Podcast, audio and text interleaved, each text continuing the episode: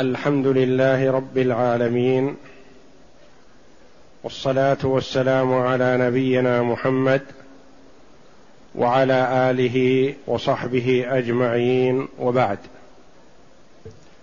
قال المؤلف رحمه الله تعالى وعن أبي هريرة رضي الله عنه أن رسول الله صلى الله عليه وسلم قال إذا توضأ أحدكم فليجعل في أنفه ماء ثم لينتثر. ومن استجمر فليؤتر. وإذا استيقظ أحدكم من نومه فليغسل يديه قبل أن يدخلهما في الإناء ثلاثا فإن أحدكم لا يدري أين باتت يده. وفي لفظ لمسلم فليستنشق بمنخريه من الماء. وفي لفظ من توضأ فليستنشق. هذا الحديث رواه جمع من الأئمة رحمهم الله. فقد رواه البخاري في كتاب الوضوء وفي باب الاستجمار. ورواه مسلم في كتاب الطهارة. ومالك في الموطأ. وأحمد في المسند. وأبو داود في كتاب في باب الاستنثار.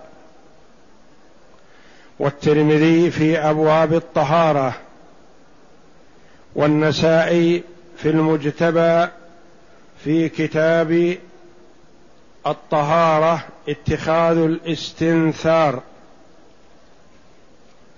وفي السنن الكبرى في كتاب الطهارة وابن ماجة في كتاب الطهارة والدارمي في سننه والدار قطني في سننه وابن خزيمة في صحيحه وابن حبان في صحيحه وابن الجارود في المنتقى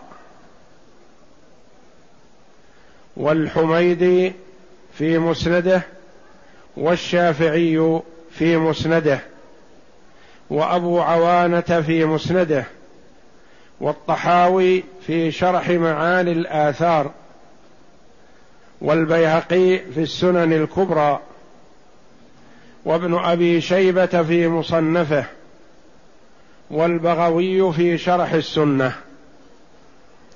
هؤلاء الأئمة رحمة الله عليهم رووا هذا الحديث.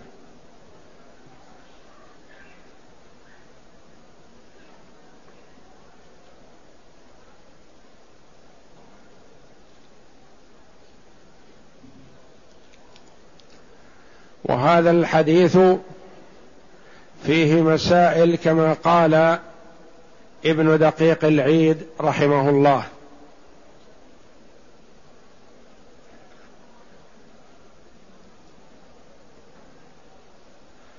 المسألة الأولى في بعض الروايات قال فليجعل في أنفه ولم يقل ماء وهو مبين في غيرها من الروايات.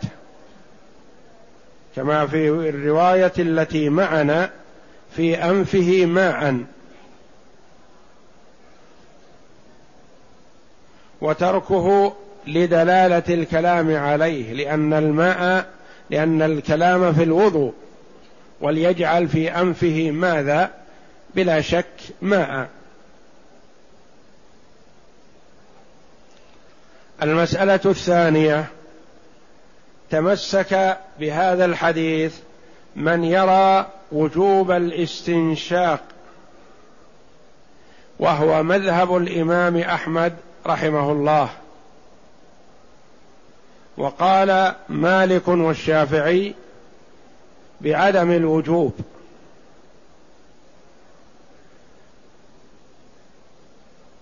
وما تخريجهم لهذا الأمر؟ قالوا الأمر للندب. نقول الأمر للوجوب. الأصل أنه للوجوب فما الذي صرفه؟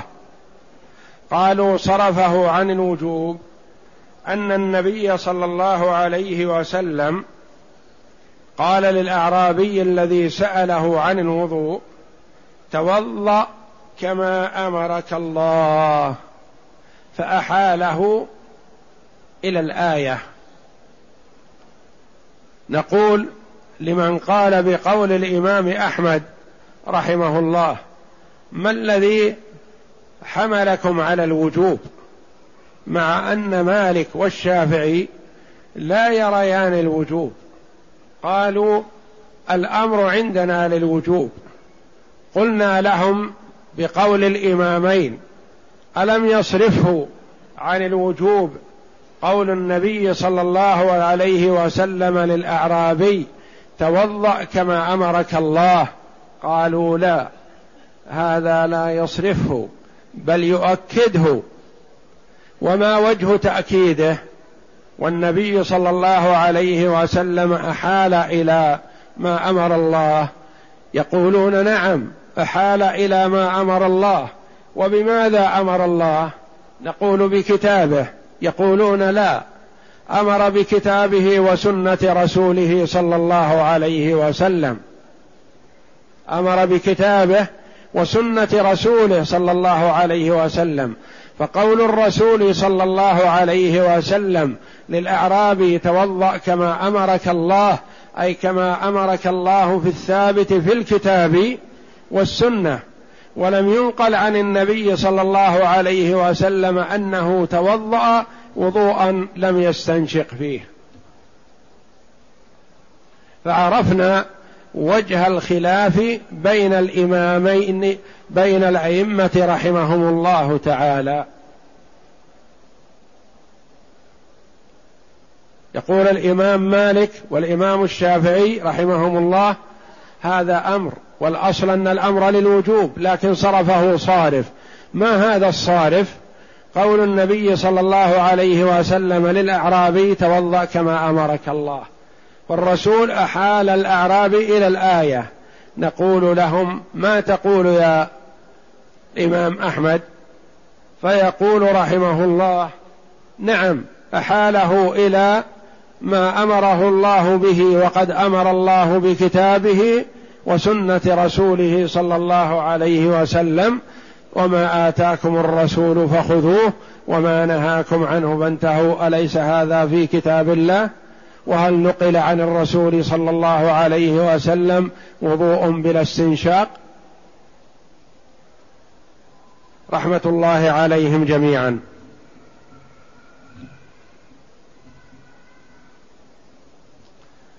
المسألة الثالثة يقول ابن دقيق العيد رحمه الله أن الاستنشاق جذب الماء إلى الأنف والاستنثار دفعه للخروج. ما هو الاستنشاق؟ إدخال الماء في الأنف وجذبه بالنفس. وما هو الاستنثار؟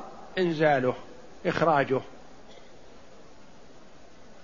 يقول رحمه الله ومن الناس من جعل الاستنثار لفظا يدل على الاستنشاق الذي هو الجذب وأخذه. يعني يدل على الاثنين يقول الاستنثار. نقول من أين ذلك؟ يقول من النثرة وهي طرف الأنف. النثرة طرف الأنف يعني إدخال الماء وإخراجه كله استنثار يعني تحريك لطرف الأنف بالإدخال والإخراج. يقول ابن دقيق العيد رحمه الله والصحيح الأول لأنه قد جمع بينهما في حديث واحد وذلك يقتضي التغاير لأن النبي قال استنشاق ثم قال استنثار. فما دام أنهما جمعا فلا يجمعان في حديث واحد وهما يدلان على فعل واحد. المسألة الرابعة في هذا الحديث المسألة الرابعة في هذا الحديث قوله صلى الله عليه وسلم ومن استجمر فليوتر. ما المراد بالاستجمار؟ الاستجمار استعمال الحجارة أو ما يقوم مقامها في تنظيف مكان الخارج من بول أو غائط. الاستجمار تنظيف مكان الخارج بالجمار التي هي الحصى أو ما يقوم مقامها كالتراب. أو المنديل أو نحو ذلك مما ينظف المحل. ومن استجمر فليوتر. الوتر واحدة أو ثلاث أو خمس أو سبع أو تسع أو إحدى عشرة أو إلى آخره. هذا الوتر. يقول من استجمر فليوتر. قد يقول قائل يكفي واحدة. هذا وتر. يمسح مكان الخارج مسحة واحدة بالتراب أو المنديل أو الحصى. نقول لا هذا لا يكفي. يقول ألم يقل النبي صلى الله عليه وسلم فليوتر؟ نقول نعم. قال فليوتر. لكن ورد في حديث آخر فليستطب بثلاثة أحجار. يعني ورد الوتر وورد الثلاثة. فنقول لا ينقص عن الثلاثة وإن زاد عن الثلاثة فليوتر. يعني لا يقف على رابعة وإنما يقف على خامسة. إذا ما أنقت الخامسة مثلا فلا يقف على السادسة وإنما يقف على السابعة وهكذا. وشرط الاستجمار اشترط العلماء رحمهم الله له شرطان. ألا تقل عن ثلاثة أحجار وأن تنظف. ما علامة النظافة؟ هل الحجر ينظف تنظيف كامل ويزيل الأثر نهائيا؟ نقول لا. إذن ما مرادكم رحمكم الله بالنظافة؟ قالوا النظافة أن يبقى أثر لا يزيله إلا الماء. فهذا الأثر الذي بقي لا يزيل إلا الماء معفو عنه.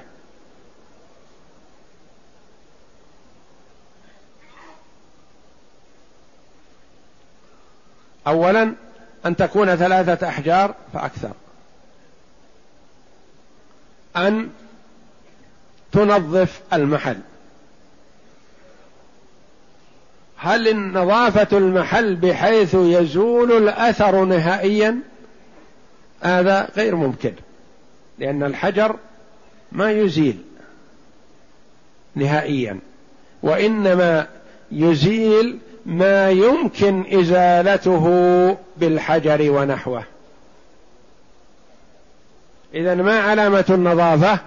قالوا أن يبقى أثر لا يزيله إلا الماء. وهذا الأثر الذي بقي في مكان الخارج لا يزيله إلا الماء معفو عنه. ونعرف أن العفو هذا عنه في مكان الخارج فقط. لو أن الإنسان أصابته عذرة في ذراعه أو في كفه أو في ساقه فمسحها بثلاثة أحجار أو خمسة أو ستة أو سبعة هل يكفي هذا؟ لا. لا بد من الغسل معروف العذرة البراز. النجاسة الخارج من الدبر. هل يكفي أن يمسحه بالأحجار ونقول استجمر؟ لا. لو أصاب يده اليسرى أو ساقه أو ذراعه بول ثم مسحه بخمسة أحجار أو ستة أو سبعة هل يكفي هذا؟ لا. إذا المسح يكفي في مكانه في مكان الخارج. في القبل أو الدبر فقط. يكفي فيه المسح. أما الذراع واليد لو أصابتها نجاسة فلا بد من غسلها.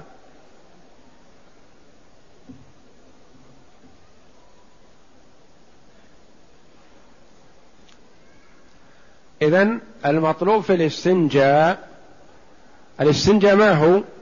هو غسل مكان الخارج بالماء والاستجمار مسحه بالحجارة والأفضل الجمع بين الاثنين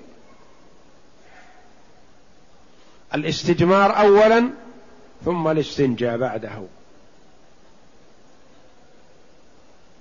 ما الدليل على هذا أن الأفضل الجمع أن النبي صلى الله عليه وسلم قال لأهل قبى لقد أثنى الله عليكم في طهوركم فبماذا كنتم تتطهرون؟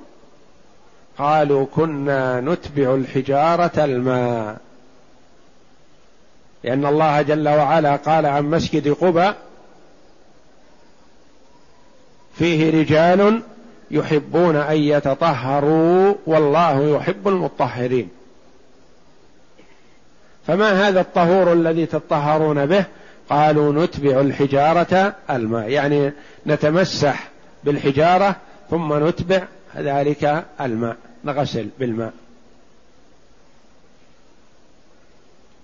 فاذا الجمع بينهما أفضل. فإن لم يتيسر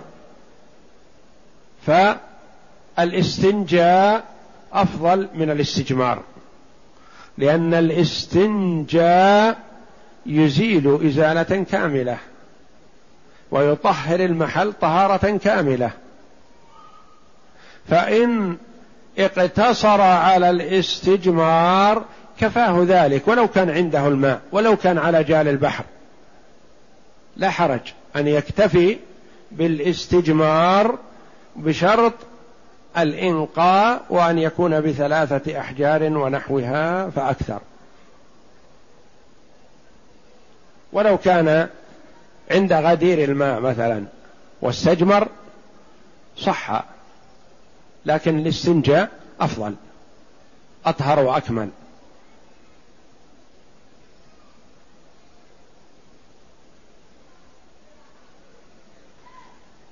حمل بعض العلماء رحمهم الله الاستجمار في هذا الحديث ومن استجمر فليؤتر.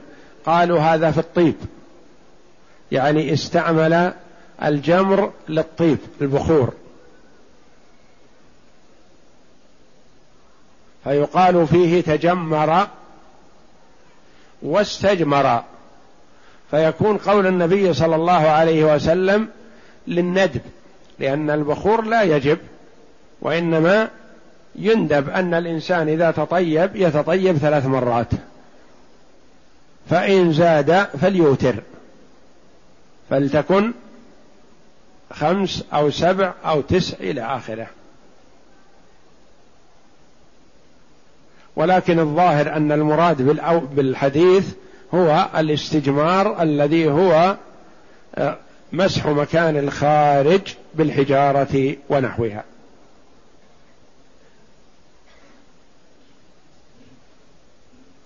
لأن الحديث جاء مع ما يتعلق بالوضوء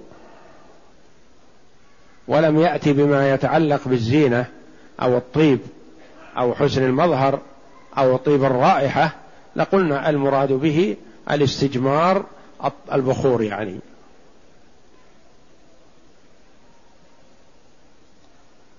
الخامسة من مسائل هذا الحديث.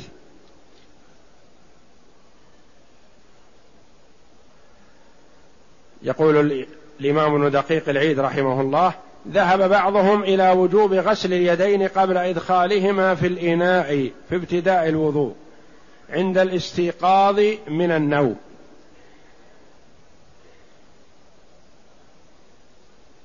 ذهب بعض العلماء إلى وجوب الغسل عند الاستيقاظ من نوم الليل.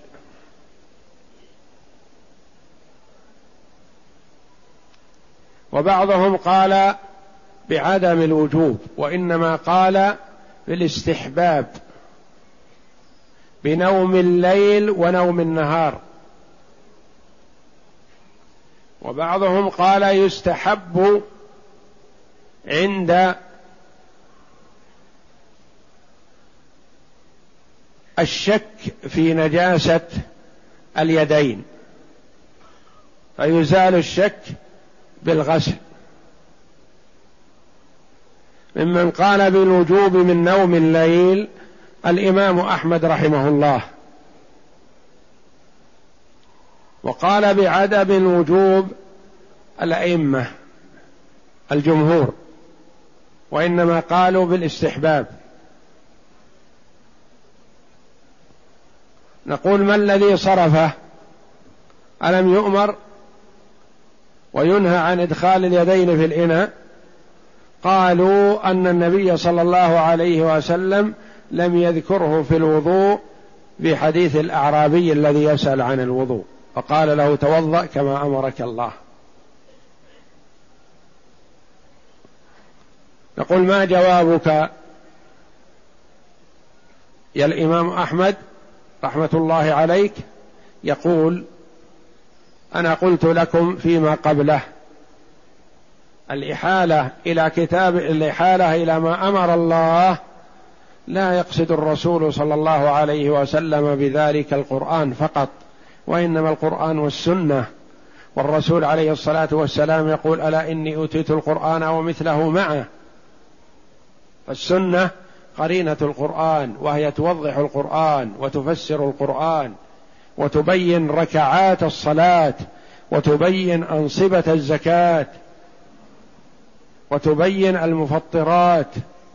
السنة بينت لنا القرآن. القرآن أمرنا بالزكاة ولم يحدد الأنصبة ولم يحدد الواجب أو المال الذي تجب فيه الزكاة وإنما ظهر هذا في السنة والسنة مأمور بها في القرآن بآية أو بجزء من آية. قوله جل وعلا وما آتاكم الرسول فخذوه وما نهاكم عنه فانتهوا. والنبي صلى الله عليه وسلم أمر بغسل اليدين قبل إدخالهما الإناء بعد الاستيقاظ من النوم الليل. نقول يرحمك الله. قلتم نوم الليل. ونوم النهار يقول لا أقول بنوم الليل فقط. ولم لا تقل بالنوم مطلقا؟ قال لأن الرسول صلى الله عليه وسلم قال في آخر الحديث لا يدري أين باتت يده. فاللي نام الظهيرة ما يقال له لا يدري أين باتت يده. ليس بيتوتة نوم الظهيرة أو نوم الضحى.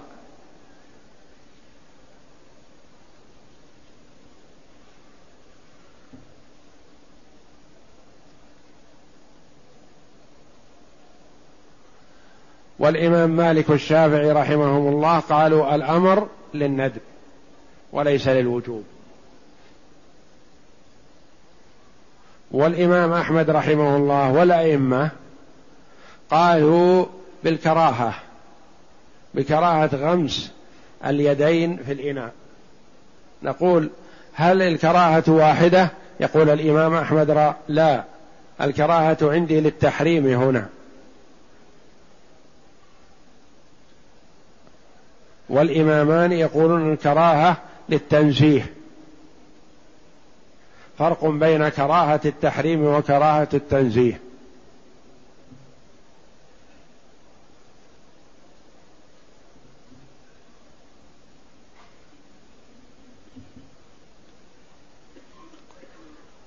والإمامان رحمهم الله.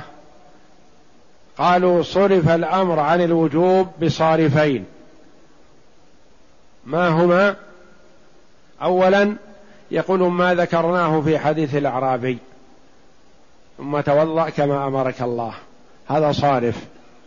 الأمر الثاني القرينة. ما هذه القرينة؟ يرحمكم الله. قالوا علل بأمر يقتضي الشك. التعليل لوجوب الغسل أو للأمر بالغسل بشيء لا يقتضي اليقين وإنما يقتضي الشك. لا يدري أين باتت يده. يعني لعلها أصابت نجاسة. يحتمل أن أصابت نجاسة. وما دام أن التعليل لاحتمال فلا يلزم منه الوجوب.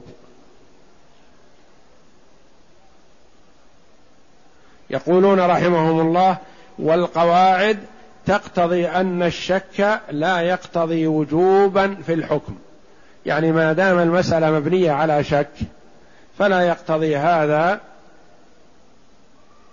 وجوب الغسل. نقول لهم يرحمكم الله كما قال الإمام أحمد شاكر رحمه الله الذي علق على كتاب دقيق العيد. يقول لا يصح أن تكون القاعدة المحدثة قاضية على الحديث الصحيح وصارفة له عن ظاهره بل ينبغي أن يكون الحديث حاكما على القواعد والاصطلاحات. إذا جاء الأمر عن النبي صلى الله عليه وسلم فلا نصرفه بقواعد قعدها العلماء رحمهم الله. قواعد العلماء مقبولة إذا لم تتعارض مع حديث رسول الله صلى الله عليه وسلم. أما إذا تعارضت معه فلا تقبل. وهذا الذي وضحه الإمام أحمد شاكر رحمه الله في تعليقه على هذا الحديث.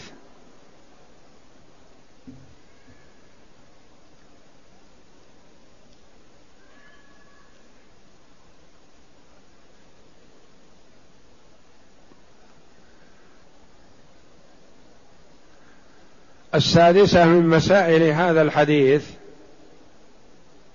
يقول إن سبب هذا الأمر أنهم كانوا أي أهل الحجاز يستنجون بالأحجار فربما وقعت اليد على المحل وهو عرق والبلاد حارة. فتنجست فإذا وضعت في الماء نجسته يعني إذا كانت مست مكان الخارج وهو عرق مسته تنجست. فإذا وضعها في الإناء نجسته أخذ من هذا أن هناك فرق بين أن تقع النجاسة على الماء أو يقع الماء على النجاسة.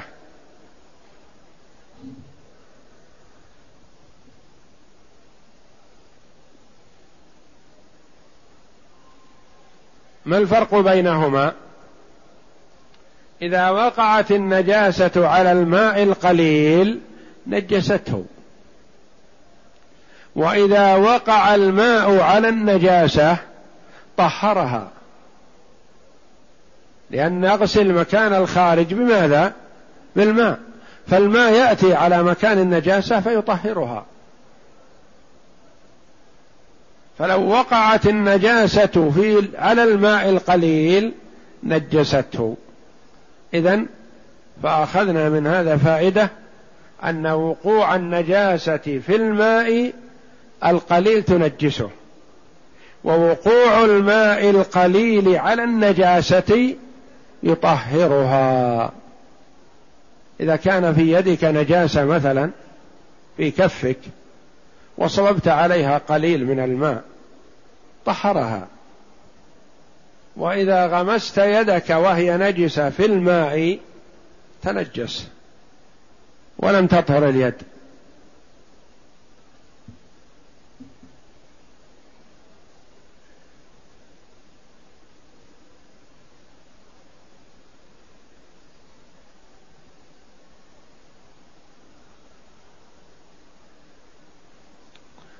بعض الأئمة رحمهم الله كما تقدم لنا فرق بين نوم الليل ونوم النهار وبعضهم لم يفرق.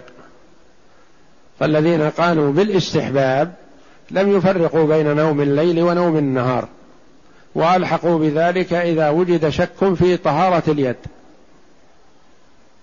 ومن قال بالوجوب كما تقدم لنا وهو الإمام أحمد رحمه الله قال هناك فرق بين نوم الليل ونوم النهار لأن الرسول صلى الله عليه وسلم قال أين باتت؟ يده. وهذا لا يقال لمن نام في النهار. فنوم النهار نقول يحسن أن يغسلها لكن لو غمسها في الماء بدون غسل فلا إثم ولا ينجس الماء.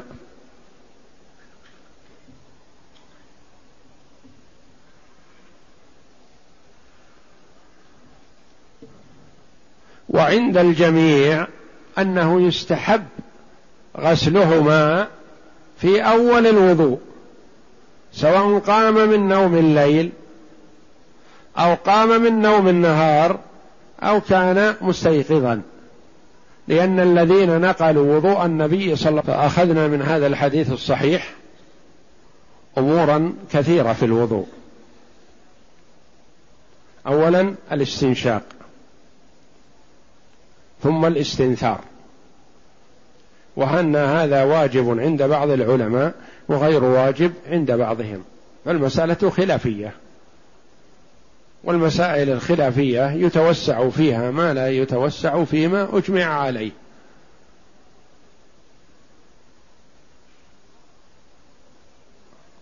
الثاني الاستنجمار.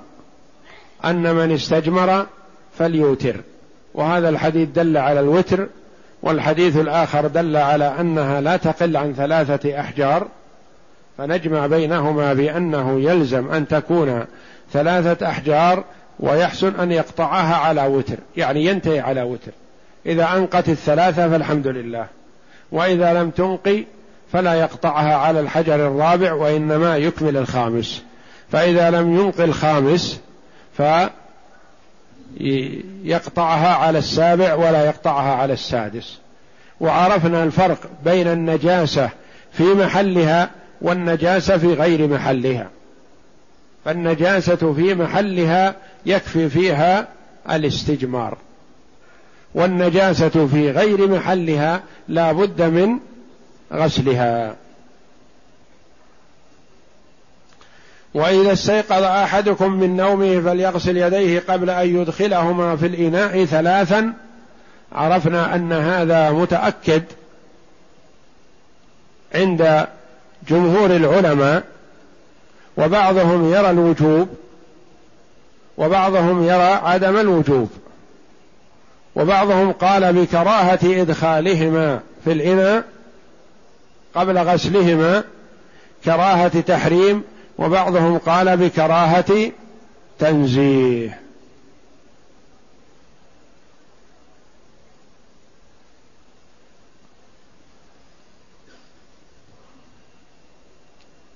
والحديث هذا أخرجه البخاري رحمه الله مرتين. وفي المرة الثانية جمعه بكامله بحديث واحد. وقد قال الحافظ ابن حجر رحمه الله إن هذا الحديث ورد حديثين فجمعه الإمام البخاري رحمه الله. يقول ابن حجر رحمه الله فلعل الإمام البخاري لا يرى مانعا من جمع الحديث إذا اتفق المتن والسند. الحديثين في حديث واحد. كما أنه لا يرى جواز التفريق في الحديث الواحد.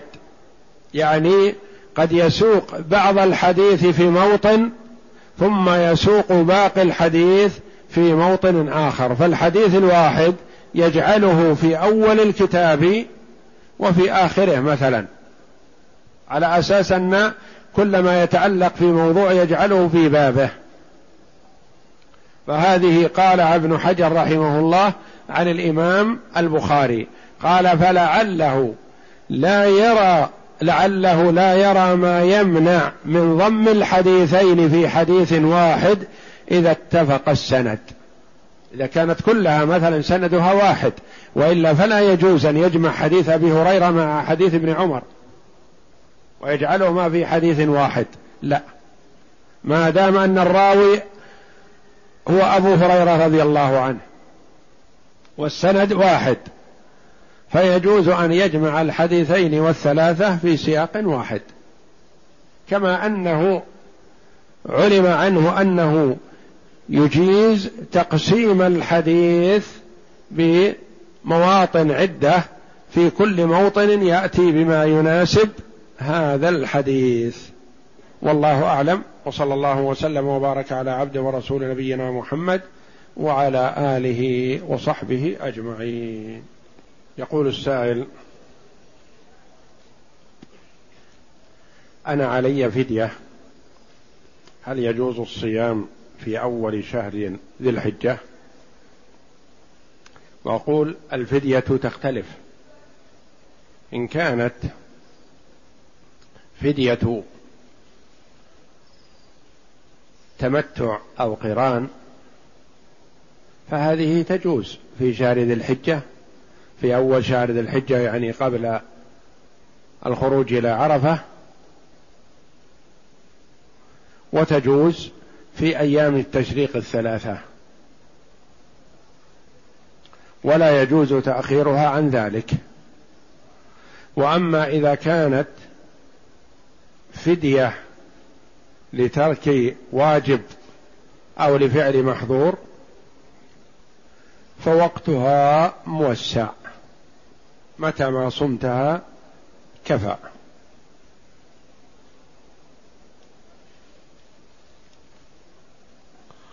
يقول ما الحكم في من حج ولم يذهب للزيارة في المدينة المنورة؟ وأقول حجه صحيح وكامل ولا نقص فيه ولا تلازم بين الحج وزيارة المسجد النبوي. فزيارة المسجد النبوي تشرع في أي وقت؟ قبل الحج أو بعد الحج؟ أو جئت للزيارة بدون حج؟ ثم جئت للحج بدون زيارة فلا تلازم.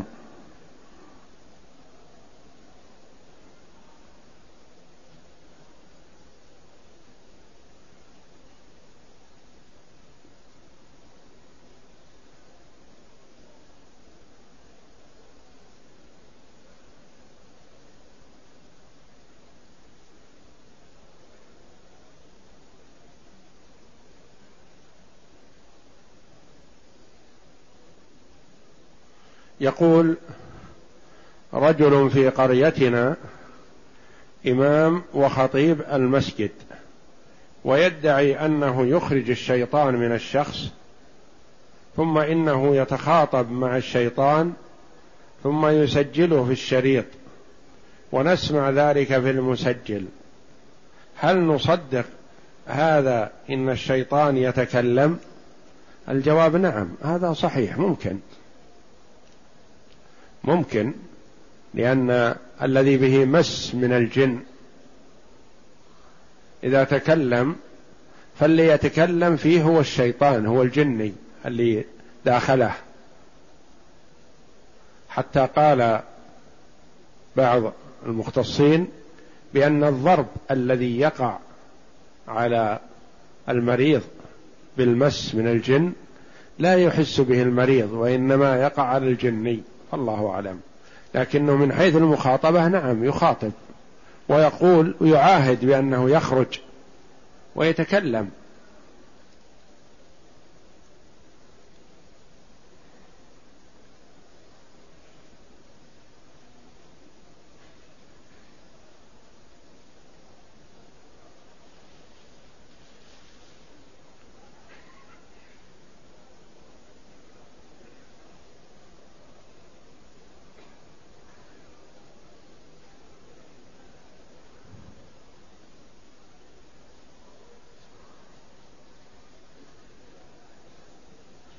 يقول هل شهر ذي القعدة أوله الاثنين أو الثلاثة؟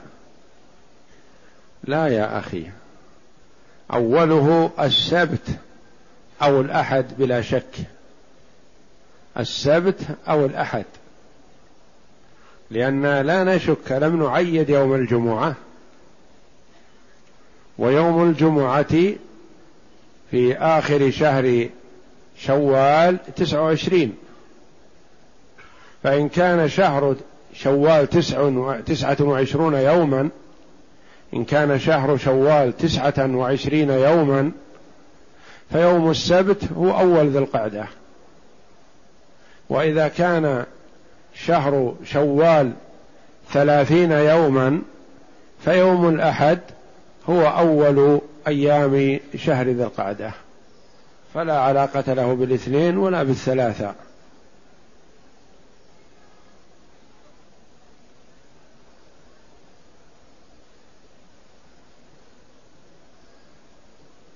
هل تصح صلاة النافلة ما بين الأذان والإقامة؟ نعم كل هذا وقت للنافلة. ما بين الأذان والإقامة صل ما شئت. سوى أذان الأخير لصلاة الفجر فلا تصلي بعده إلا سنة الفجر ركعتين فقط. ولا تتنفل أكثر من ذلك.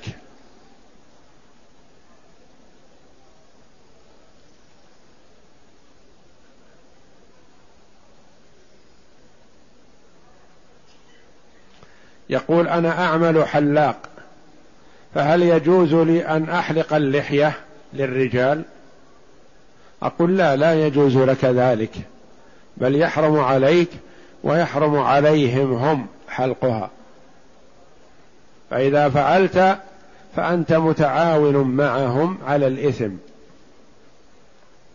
والله جل وعلا يقول وتعاونوا على البر والتقوى ولا تعاونوا على الإثم والعدوان.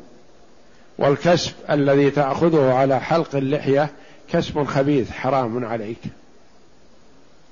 لأنه فعل محرم.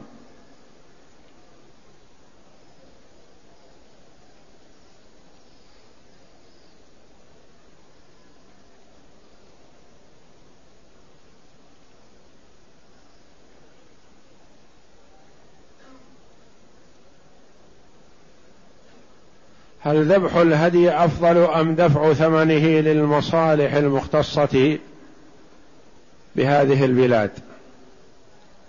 وأقول إذا توليت أنت هديك وذبحته وأكلت منه وتصدقت وأهديت فذلك أفضل بلا شك لأن هذا فعل الرسول صلى الله عليه وسلم. فالرسول ذبح هديه بيده عليه الصلاة والسلام نحر ثلاثا وستين بدنه وقد أهدى مائه بدنه. ووكل علي رضي الله عنه في نحر ما بقي. ثم أمر بأن يؤخذ من كل بعير من كل بدنه بضعة قطعة لحم. وتجمع وتطبخ في قدر فأكل منها عليه الصلاة والسلام وشرب من مرقها. فكأنه أكل من الجميع. فهذا بلا شك أفضل. ولكن هذه المصالح فيها تيسير للناس. وعليك أن تتأكد بأنها من الجهات التي رخصت لها الحكومة لأنها ترعاها وتنتبه لعملها وتتفقدها ولا تعطيها لمن هب ودب. تتأكد بأنها مرخص لها فهذه وجدت تيسير وتسهيل للحجاج لأن لا يستطيع كل حاج أن ينحر ويشتري وينحر ويعمل. فمن باب التيسير كلفت هذه المؤسسات لتتوكل عن الحجاج في ذبح هديهم وتوزيعه على المحتاجين. أما إذا تمكن الإنسان من نحر هديه بنفسه فبلا شك أن ذلك أفضل وهو السنة وهو فعل الرسول عليه الصلاة والسلام.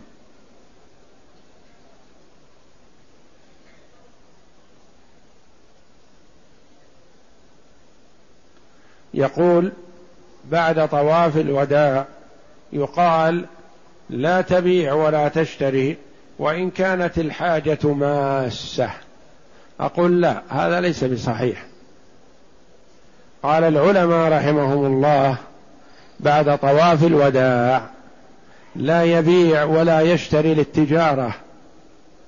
وأما إذا كان لحاجة الإنسان فلا حرج أن تشتري ما تحتاج في طريقك أو تشتري ما تأخذه هدية لأهلك وأولادك وجيرانك لا حرج.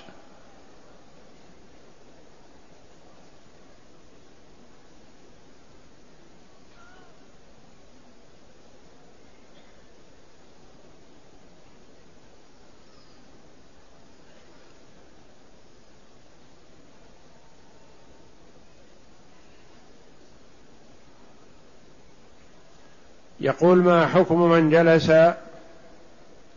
في مكة وأراد أن يحج قارنا أو متمتعا ويطوف ويسعى قبل الثامن من ذي الحجة. نقول هذا لا يتأتى. إذا حج متمتعا وكان المتمتع هو من أتى بعمرة في أشهر الحج ثم حج من نفس السنة. والقارن هو من أحرم بعمرة وحج في أشهر الحج.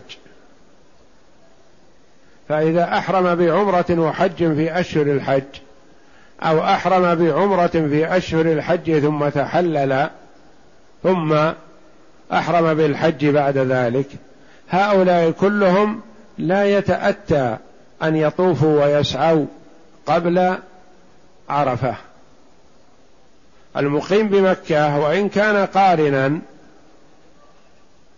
فلا يصح أن يطوف ولا يسعى إلا بعد عرفة لأن السعي يصح تعجيله للقادم إلى مكة. القارن والمفرد القادم إلى مكة. مع طواف القدوم. لكن إذا كان مقيم في مكة فليس عليه طواف قدوم وليس له طواف قدوم. فحينئذ لا يسعى وكذلك الطواف لا يصح إلا بعد عرفة طواف الإفاضة.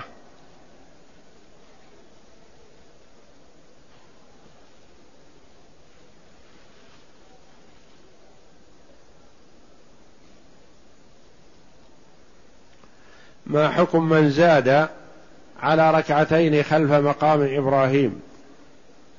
لا بأس بذلك لكن إذا فسحت المجال لمن طاف فلعل ذلك أولى. أنت إذا صليت ركعتين خلف المقام فقم لمكان آخر يساويه في الفضل وتفسح المجال لغيرك ممن طاف ويحب أن يصلي خلف المقام.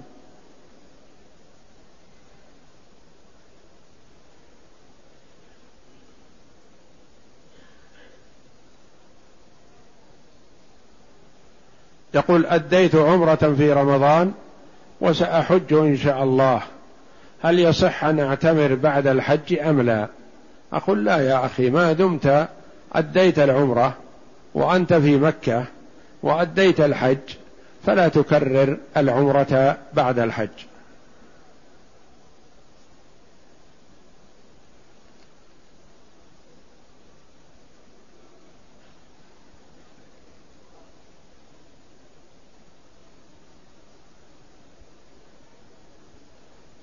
يقول طفت بالكعبة تطوعا ونويت الطواف متكررا لزوجتي وأولادي.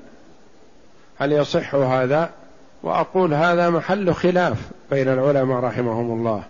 بعض العلماء أجاز الطواف عن الغير وبعض العلماء لم يجز الطواف عن الغير.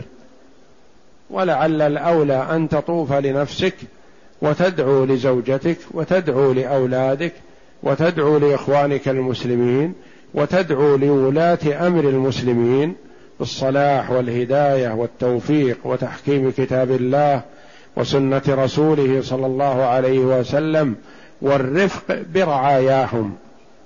تكثر من الدعاء لكل من في صلاحه صلاح للإسلام والمسلمين.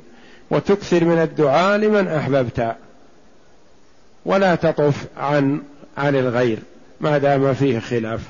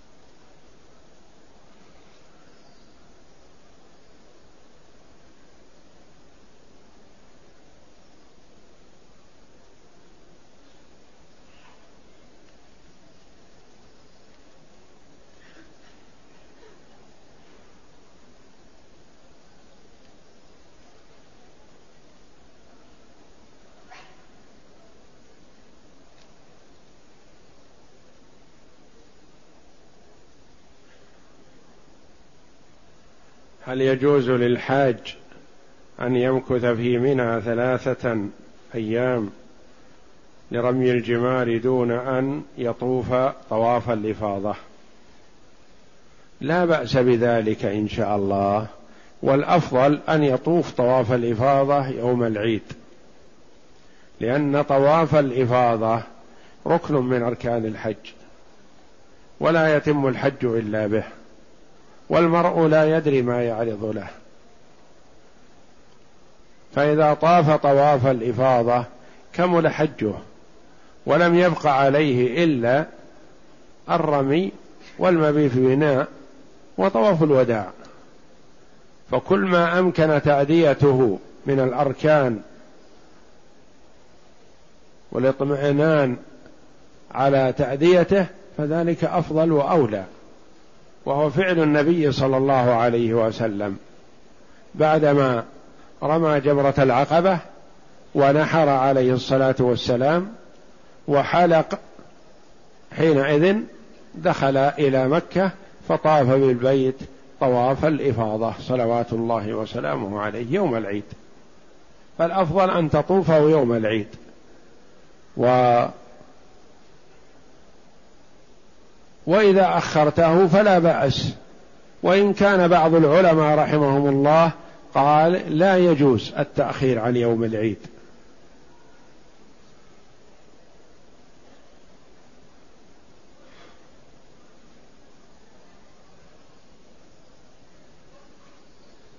ما حكم الصلاة بين الأذان والإقامة في صلاة الفجر من غير سنة الفجر؟ هذا تقدم. قلنا إنه يجوز لك أن تصلي بين الأذان والإقامة ما شئت سوى ما بين أذان الفجر وصلاة الفجر. فلا تصلي إلا ركعتين سنة الفجر فقط.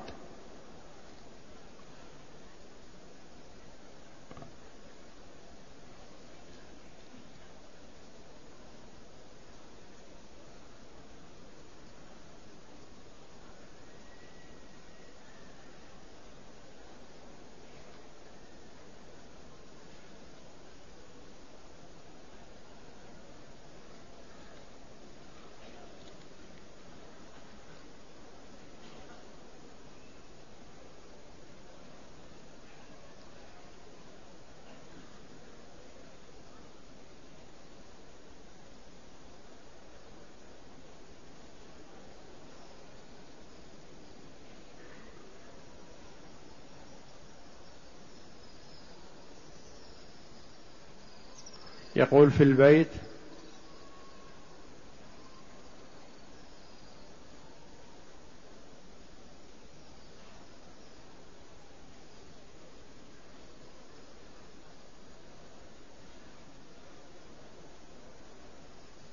إذا دخلت المسجد الحرام وعندي متسع من الوقت هل أصلي تحية المسجد أم هل أصلي تحية المسجد أولا ثم أطوف بالبيت. أم أطوف مباشرة ثم أصلي ما شاء الله لي أن أصلي. الأفضل إذا دخلت المسجد الحرام أن تطوف ولا يلزمك في كل دخول لكن إذا يسر الله لك الطواف فهو أفضل. أن تطوف أولا ثم تصلي ما يسر الله لك.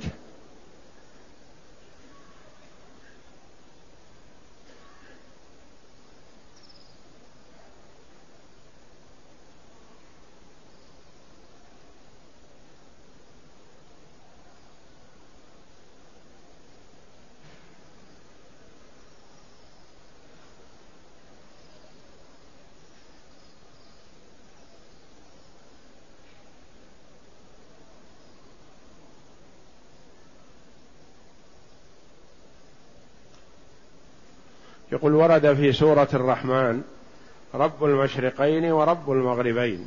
ما المقصود بذلك؟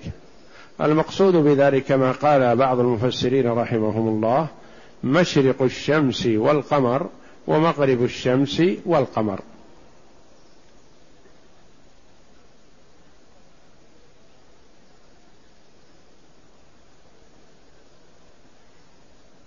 يقول رأيت الناس يصلون داخل حجر إسماعيل. ما الخصوصية في هذا؟ نعم. مقدمة الحجر من الكعبة. قبل أن ينحني الجدار من الكعبة. فقد قالت عائشة للنبي صلى الله عليه وسلم بانها ترغب أن تصلي داخل الكعبة. فأخذ النبي صلى الله عليه وسلم بيدها وقال صلي ها هنا.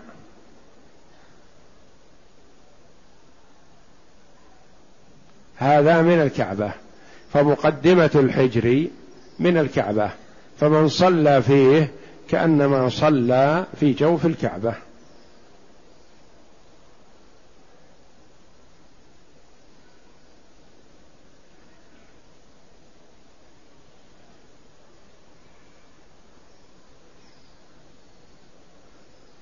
يقول شخص فاتته صلاة المغرب فدخل المسجد ووجد الناس يصلون صلاة العشاء فهل يبدأ معهم أم ماذا يفعل؟ الواجب عليه أن يصلي صلاة المغرب وحده منفرد ثم يدخل معهم في صلاة العشاء إن أمكنهم وإلا فلا يصلي معهم لأن صلاتهم تختلف من حيث الأفعال عن صلاة المغرب ويجب عليه الترتيب يصلي المغرب اولا ثم العشاء بعد ذلك.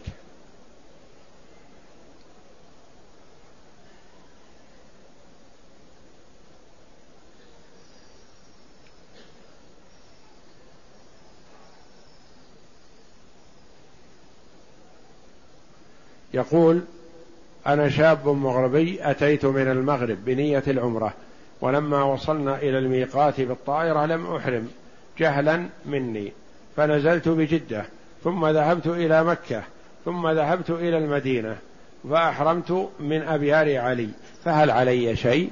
الجواب ليس عليك شيء الحمد لله لأنك خرجت ولم تحرم من دون الميقات وإنما أحرمت من ميقات أهل المدينة فلا شيء عليك